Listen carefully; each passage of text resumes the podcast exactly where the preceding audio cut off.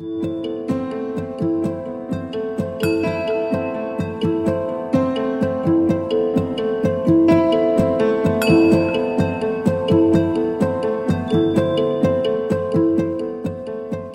tenker du på når du hører ordet utmark?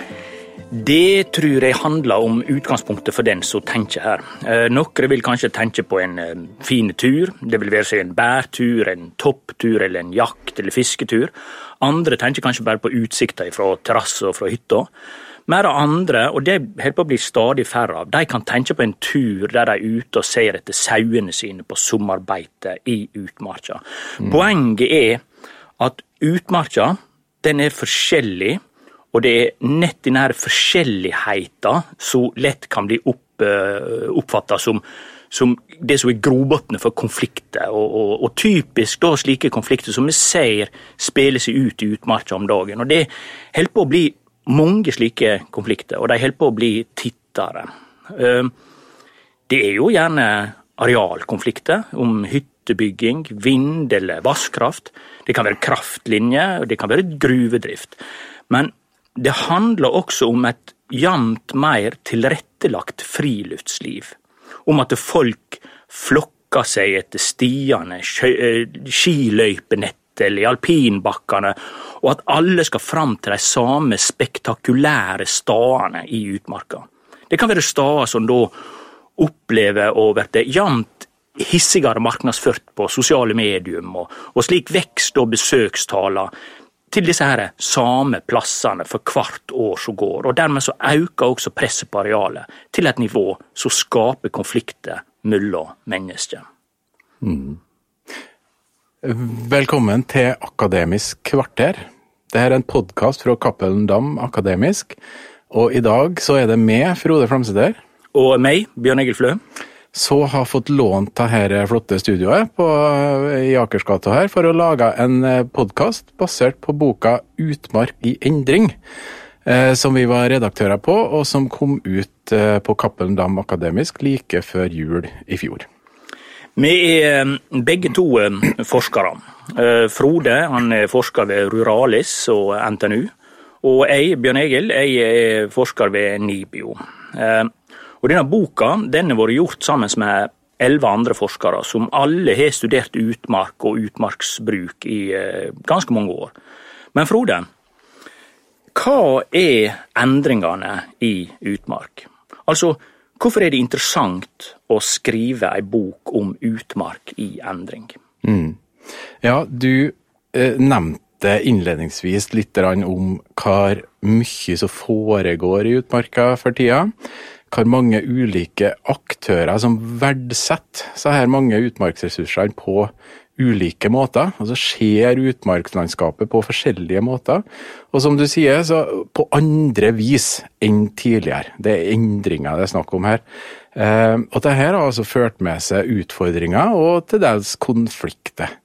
Eh, og som du sa, så er det vidt forskjellige aktiviteter og aktører det kan være snakk om. Det er utrolig mye forskjellig. Eh, men gjennom arbeidet med denne boka vår, da, eh, og, og samarbeidet med all, eh, alle de andre forskerne som har skrevet her, så er det kanskje tre overordna utfordringer i møte mellom på en måte det gamle, tradisjonelle og det nye, som gjør det krevende for dem som skal bruke og eller forvalte utmarka. Og da blir det dermed også interessant for oss forskerne. Da. Og det ene er utmarka sin økonomi, kan vi si. Det andre er utmarka, og kanskje spesielt utmarksbrukerne sin geografi. Hvor, hvor kommer de fra, altså disse nye og gamle brukerne av utmarka? Eh, det tredje er tidsperspektivet. Um, og jeg, ten- jeg tenker at vi kan dvele litt med de her tre eh, ja, faktorene der eh, i podkasten her nå. Og først da, utmarka sin økonomi. Eh, utmarksbegrepet Bjørn Engel, vet du, stammer vel egentlig fra ei tid der de fleste av oss bodde i bygdene. Eh, For 100 år siden var det vel 80 i, på bygda og, og 20 i byen, mens nå er det sånn cirka motsatt. Eh, og utrolig mange av dem som bodde da i bygdene rundt omkring, var knytta til landbruket på et eller annet vis. Um, og da var utmarksressursene en viktig del av bondehushallet sin økonomi. Um, mm. og, og, på hvilken måte var det altså, det? Ja, det, det jeg tenker uh, bare, bare, ordet uh, utmark, altså det er mark og den står på en måte utapå innmarka. Så sånn sett så, så hører han ut ifra ordet sin opphav, kan man si. At det, dette her, det, det, handler om et areal som var en, en markressurs. Altså en ressurs der ting vokste og grodde. Det kunne være beite gras til, til, til husdyra, men det kunne også være eh, bær og, og, og, andre slike ressurser, og ikke minst da selvsagt også veiprodukter. Torv med var jo viktige ressurser. Så Sånn sett så har det vært det har vært kan si at det er en, det er en slags agrar forankring eh, som, ligger til, til utmarka. Og, og, og, det er klart, denne der, det, på mange måter si, Dette er det store skillene på, si, på, det, på det, gamle samfunnet og det, det, nye samfunnet nå. Da. Så det der er det endringer om hvordan denne marka har vært forankra. Den, den endringa så vi komme da når Norge skulle industrialisere seg, altså når vi på en måte skulle, skulle bygge den moderne stat med industri og alt sånt. Da hadde vi bruk for energi. Og da var jo fossene våre ikke sant? Eh, og, og disse fallene. Og det var jo grunnlaget for industrietableringa i disse fjordbunnene våre. ikke sant? Og, og, og, bøndene de kunne jo da sparke av seg fjøsstøvlene og, og ta seg, ta seg, stille seg opp i smelteovnene til faste tider. Plutselig så fikk de fritid. ikke sant? Altså De fikk på en måte en del av døgnet de kunne bruke på andre ting. Og det så vi også de, kan man si, de de øverste klassene av industri, eh, de industrisysselsatte, typisk funksjonærer og de med de best, beste lønningene og best tilpassa livet, de, de, de, fant jo seg gjerne eh, et behov for å, eh, for å finne sin egen stad i utmarka. Og da begynte de på en måte å kjøpe gamle stølshus og bygge seg hytter, eller ja, og modernisere mm. sånne ting. Og det er klart at det, Ja, da kom det litt sånn andre økonomier økonomier inn? Da sagt? kom det andre økonomier inn. fordi at bøndene som hadde stølshusa, de, de hadde jo slutta å støle, fordi at det, det moderne landbruket utvikla seg også den tida. ikke sant? Så da skulle jo på en måte, altså på 70-tallet til dømes, så skulle jo ikke melkekyr ut på, ut, på, ut på, beite i hele tatt, de skulle stå på bås hele året. Mm. Og hva skulle de da med en støyl?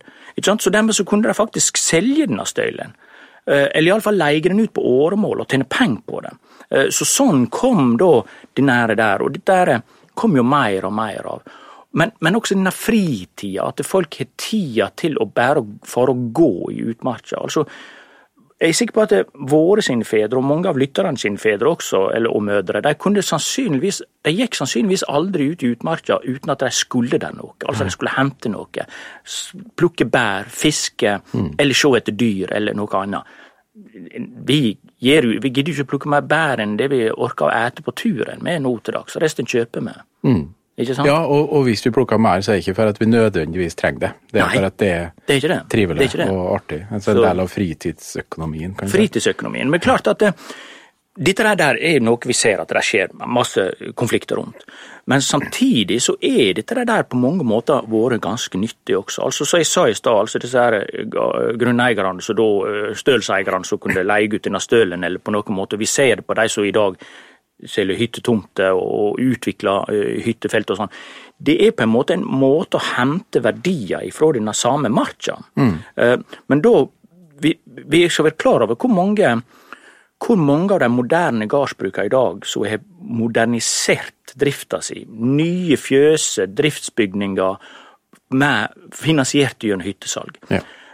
Og dette der var veldig viktig i en liten periode, og den er veldig viktig mange steder. Mm. Men så samtidig skal vi være klar over at det i dag, det meste av det som skjer av virkelig stor hytteutbygging i dag, der er ikke, der er ikke så voldsomt mye som nødvendigvis detter ned på eh, den lokale grunneier lenger.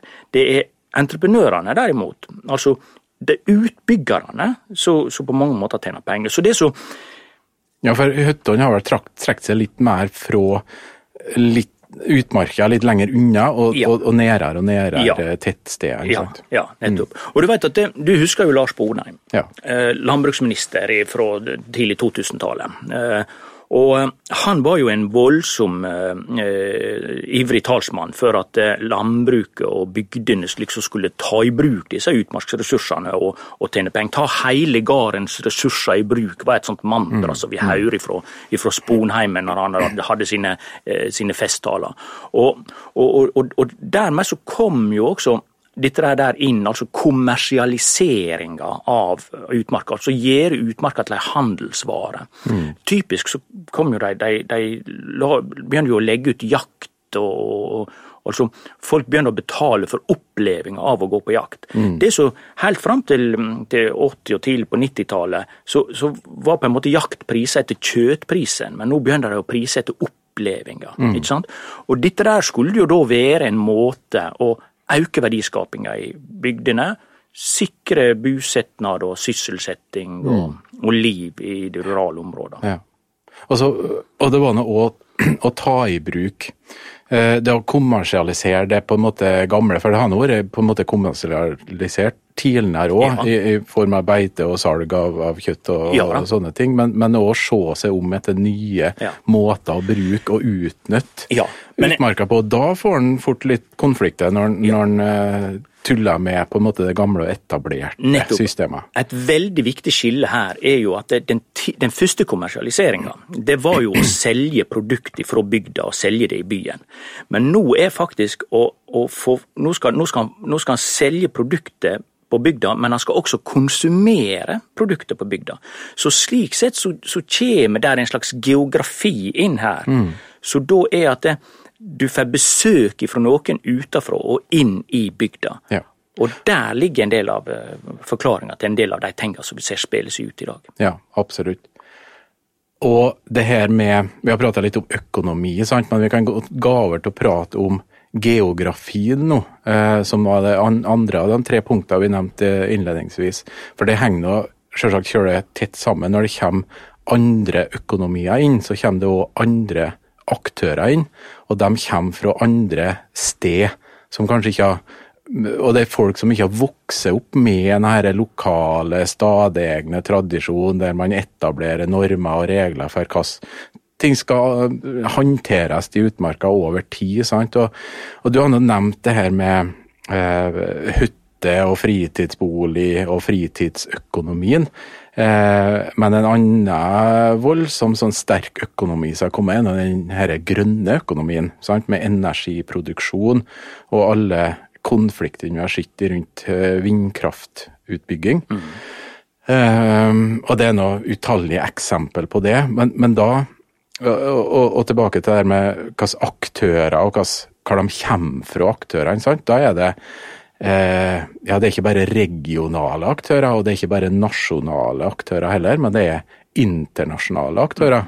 Mm. Det er vin tyske vindkraftselskap og det kanadiske gruveselskap òg, så, så kommer inn og blir aktører på, på de samme områdene. Og, og da er det klart at det, de har ikke vokst opp med de samme normene og, og sedvanene som, eh, som mange andre har Definitivt, definitivt ikke. Og det, det, der, er jo, der er jo et begrepspar som han eh, hører av og til i, i, her, eh, i denne verdenen her, og det er det er, det er gjengangere og eingangere.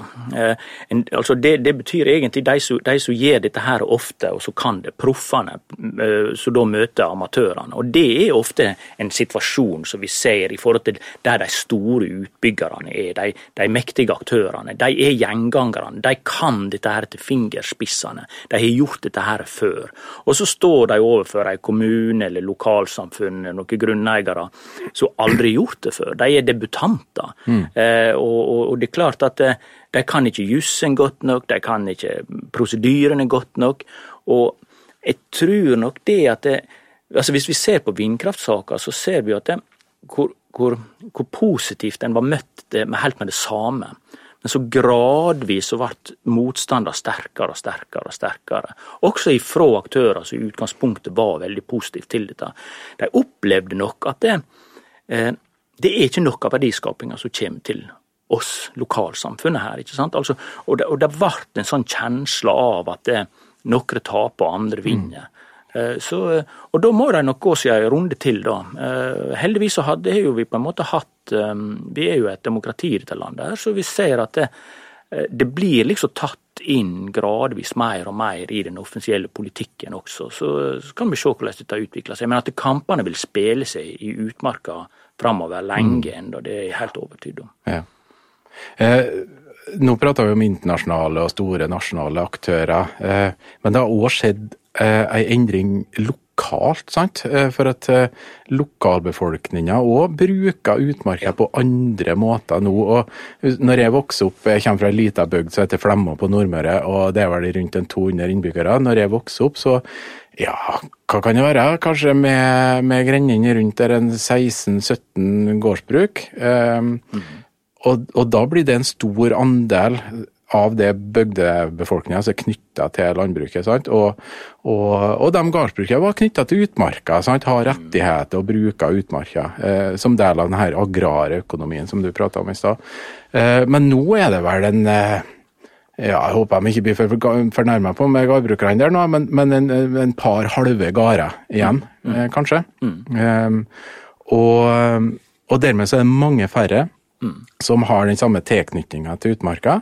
Men det betyr ikke at utmarka betyr mindre for dem, men for de bruker utmarka som en del av, av denne fritidsøkonomien. Ja. Eh, og i takt med, med, at mange andre ting, som butik, mange andre møteplasser, som ja. butikken og, og, samfunnshuset og sånn blir lagt ned, så, så utvikler den kanskje utmarka som en arena, en sånn fritidsarena der man faktisk møter folk. Mm. Og da må det etableres nye normer eh, og, og, regler hvordan man skal te seg, og hvor mye tilrettelegging er greit å gjøre rundt et idyllisk vann. sant? Og eh, ja, når blir på en måte det eh, det, det, beste, det godes fiende, da, som eh, han skriver om han Odd Inge Vistad i et av disse kapitlene i, i boka vår. Hvor mye tilrettelegging er, mm. er greit. Eh, så det, og det er ikke bare de besøkende, sant? det er òg lokalbefolkninga som tar i bruk utmarka på nye måter. Ja, Nei, Dette er et veldig godt, veldig godt poeng, Frode. og jeg, jeg, tenker, jeg tenker at det er akkurat i dette her Eh, bevisstheten om at disse endringene som vi snakker om, så samfunns, store samfunnsendringer med fritid og alt dette, de skjer også på bygda. Slik at bygdefolket sjøl er med på disse her endringene her. Det er på en måte ikke bare de utafra mot oss innafra, liksom, eller, eller omvendt.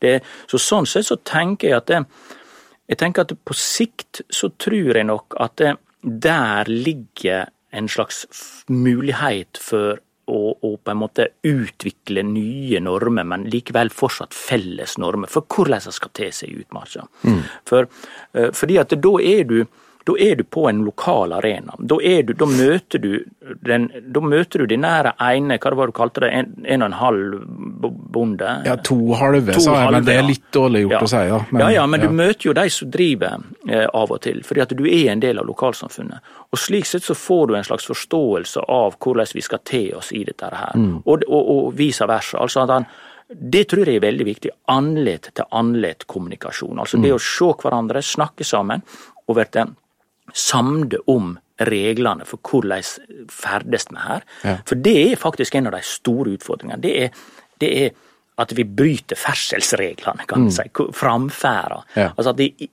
vi ikke leter igjen grendene, og at vi trakker ned gårder eller altså, sånne gjerder, eller, at vi, eller at vi går over grasmark mm. eller noe så Ja. Mm. ja.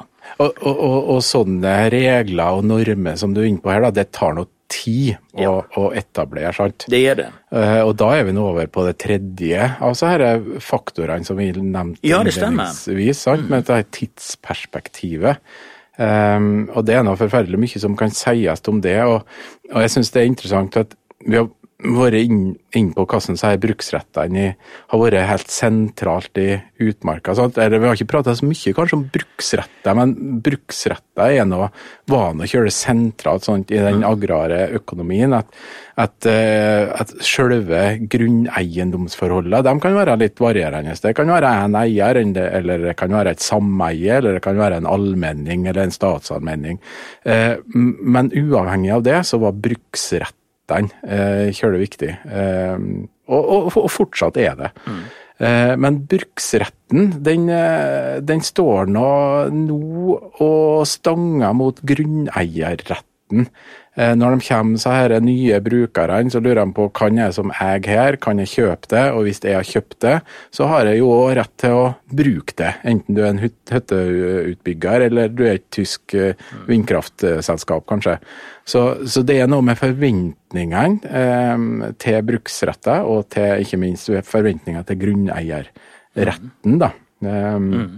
Mm. Ja, vi ser jo at disse konfliktene er der. altså uh, hytteeiere I enkelte kommuner så får jo en hytteeier kjøpe seg tomt, men det er bare kan man si 40% eller 60% av tomta de får lov å gjerde inn. Resten skal mm. være Og Dette er jo uforståelig for mange. Ja. Men det er klart at dette henger jo sammen med den måten vi har tenkt eierromsrett på i dette landet her historisk sett. Altså. Ja, at vi har utvikla bruksretter over tid. Ja. Sant? Alderstidsbruk ja. som er et sånt begrep. Ja, så det er jo, det er jo det, det, Utfordringa her er jo, er jo, greie å, å, ta vare på alle aktørene sine interesser eh, over tid her. Og det, det, tror jeg handler veldig mye om at uh, de som Hvis du i dag kjøper deg ei hytte, f.eks., Eh, i, i et, et, område.